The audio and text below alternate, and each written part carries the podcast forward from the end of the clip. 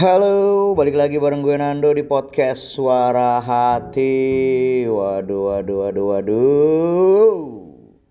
Sudah mendekati hari pemilihan. Ya, ini tapi minggu-minggu tenang ya. Ya udahlah ya, siapa pun yang terpilih nanti mau 01, mau 02, mau 03. Kalau menurut gue ya mereka semua kayaknya sih punya maksud dan tujuan yang baik ya untuk bangsa ini. Ya, semoga yang terpilih tetap ke apa namanya fokus lah ke apa yang sudah mereka pernah janjikan yang pernah mereka kuar-kuarkan di waktu kampanye kemarin. Semoga bisa direalisasikan ya nggak cuma sekedar ngomong-ngomong doang. Ya semoga bisa direalisasikan nanti pas lagi menjabat ya walaupun mungkin terasa susah. Orang tuh kalau udah di puncak kekuasaan kalau udah punya kekuasaan lu punya kuasa lu punya duit sih udah susah banget sih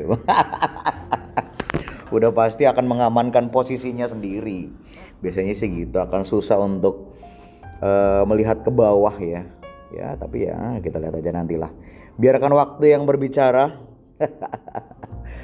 Hari ini kita mau ngebahas, kita nggak bakal ngomongin masalah politik-politik ya. Udahlah, udah capek lah ya. Udahlah, kalau bisa cepet-cepet aja lah gitu. Hari ini kita mau ngebahas, gue masih uh, penasaran ya sama orang-orang yang uh, merasa dirinya tuh penting gitu. Kenapa ada orang-orang yang merasa dirinya tuh kayak penting banget gitu?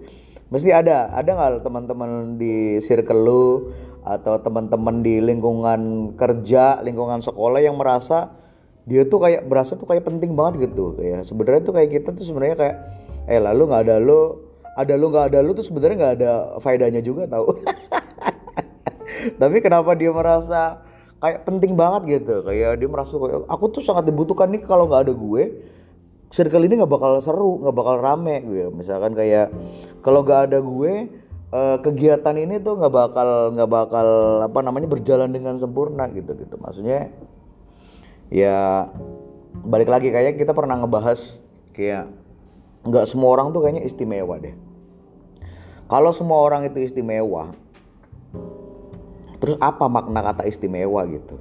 Istimewa itu kan maknanya kan ada satu yang spesial yang tidak dimiliki oleh orang lain pada umumnya. Jadi dia disebut spesial atau istimewa gitu ya.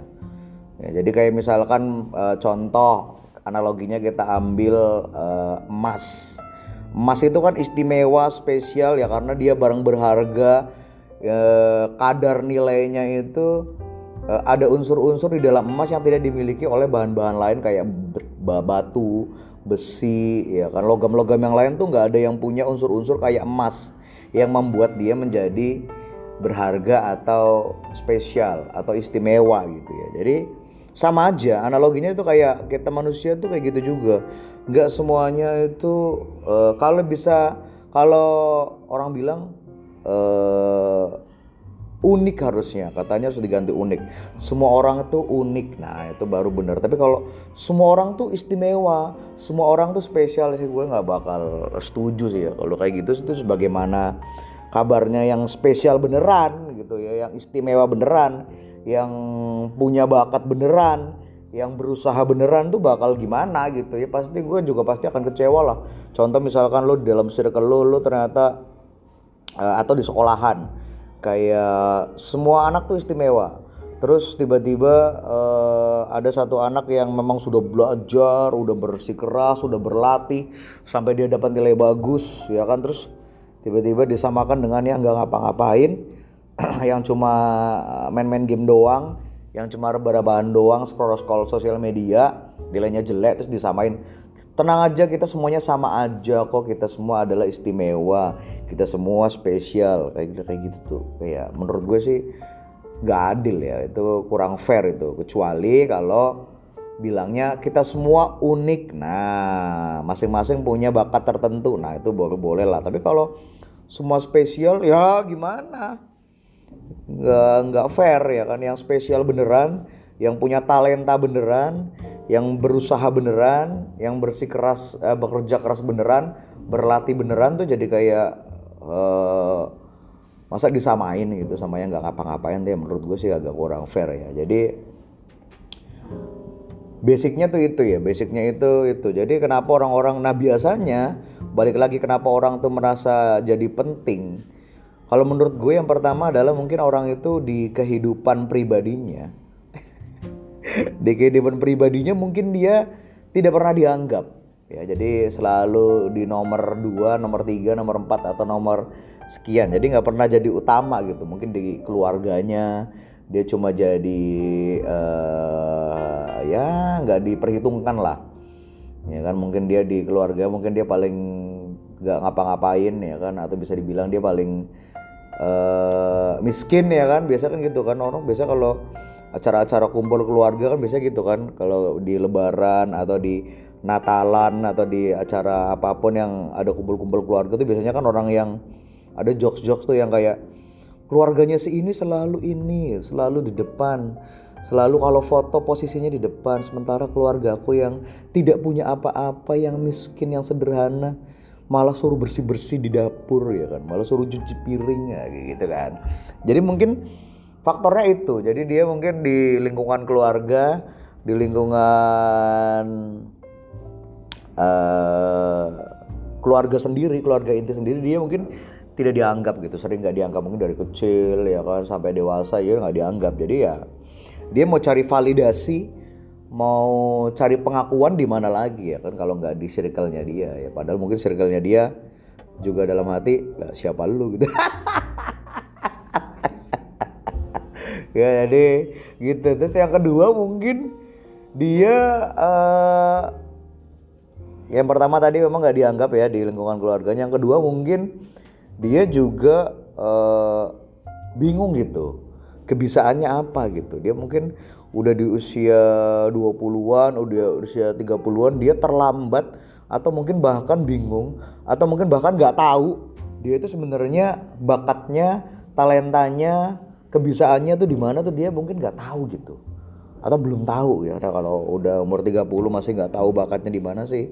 Wadididau sih ya kalau menurut gue sih. Ya jadi kesukaannya lah minimal bukan bakat lah mungkin kegemarannya di mana? Dia nggak tahu jadi kayak ya jadi bingung gitu. Jadi pengen pengakuan aja gitu di semua bidang pengen diakui gitu ya. Jadi berasa lebih penting gitu kan ya. Jadi uh, faktornya itu itu. Jadi mungkin dia bingung dia mungkin waktu kecil mungkin uh, dilesin banyak pelajaran sama orang tuanya. Waktu kecil dilesin banyak pelajaran sampai dari SD, SMP sampai SMA dilesin semua mata pelajaran ya kan? Sampai eh, nggak uh, tahu tuh dia kebisaannya di mana. Dan itu banyak terjadi loh. Anak-anak sekarang tuh kayak semua mata pelajaran tuh kayak dilesin gitu ya. Kalau menurut gue sih ya bagus dilesin. Tapi ya uh, apakah nggak lebih baik dilesin tuh yang dia kasih tambahan pelajaran kasih tambahan les tuh yang dia bener-bener suka gitu? Jadi akan anak itu bakal fokus misalkan dia uh, senang bahasa gitu ya. Fokusin di situ dia belajar bahasa lagi ya kan. Atau dia anak itu senang sains ya. Fokusin dia tambahan sains apa ikut-ikut kegiatan sains atau misalkan dia uh, musik atau dia olahraga ya. Kalau menurut gue bakal fokusin di situ gitu. Jadi jangan malah yang kurang yang di push terus supaya bisa tambah. Tapi yang udah lebih ini di push biar makin oke okay gitu. Yang kurang ya ya udahlah gitu. Ya kan masing-masing punya kekurangan. Ya kita memastikan aja supaya nggak kurang-kurang banget aja nilainya. Tapi ya jangan di push untuk jadi bagus semua tuh kayaknya susah deh. Kayak anak-anak tuh bakal di push buat nilainya bagus semua tuh di semua lini di semua mata pelajaran sih. Ada sih mungkin satu dua tapi ya ntar malah jadi stres sendiri anaknya sih nanti menyalahkan apa namanya pendidikan. Pendidikan di Indonesia memang tidak bagus ya memang orang tuanya aja yang memaksakan. Memaksakan kehendak kehendak dirinya sendiri ya bukan kehendak anaknya ya gitu-gitu kan. Jadi kayak dari kecil udah gitu sampai dewasa akhirnya pas lagi udah kuliah atau bahkan udah SMA gitu ya bakal udah sampai kerja gitu jadi bingung dia e, apa nih? Gitu. Gue mau masuk apa nih kayak waktu kuliah juga oh, gue mau ngambil jurusan apa nih kuliah nih? Bingung ya kan. Udah bingung di jurusan kuliah yang penting masuk ke kampus negeri aja. Entah jurusannya apa yang penting gue masuk kampus negeri tuh ya kayak masih zaman feodal banget.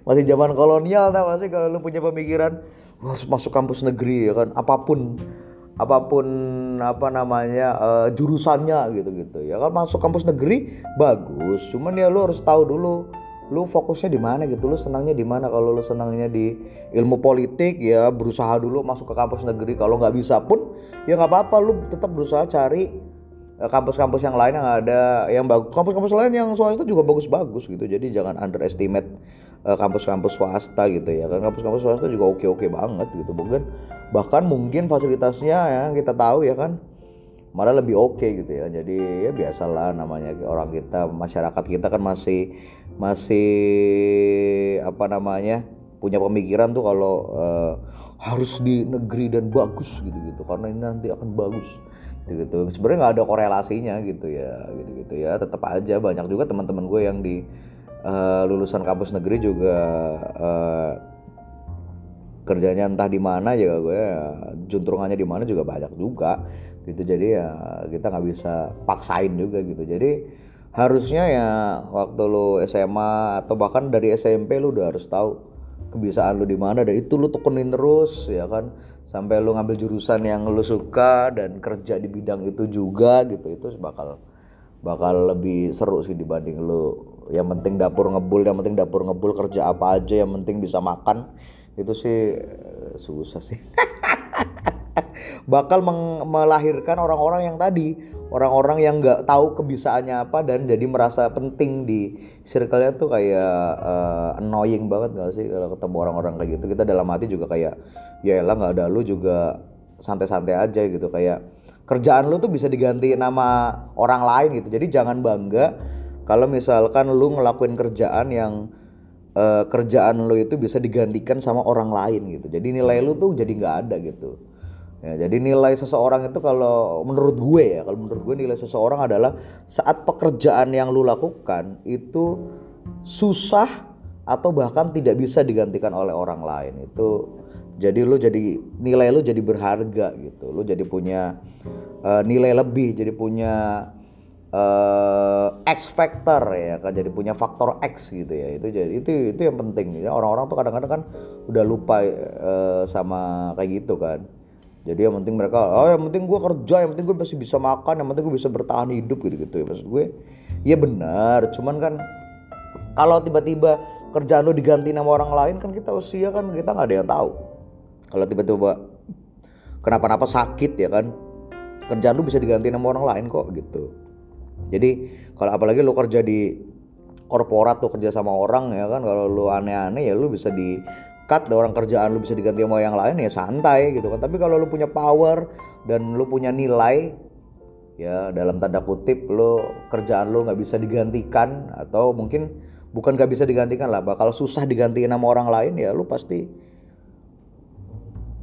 berbeda gitu ya. Itu tuh itu yang yang orang-orang tuh nggak nggak kepikiran gitu ya. Mungkin sedikit lah yang punya pemikiran gitu. Jadi menurut gue itu penting sih. Supaya lo jadi jadi nggak so asik gitu ya kan. Jadi nggak merasa penting di circle lo.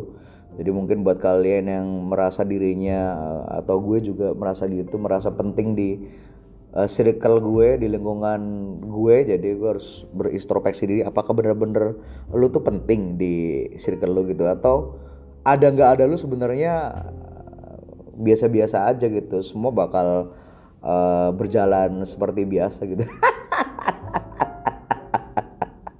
Sip thank you udah dengerin podcast suara hati.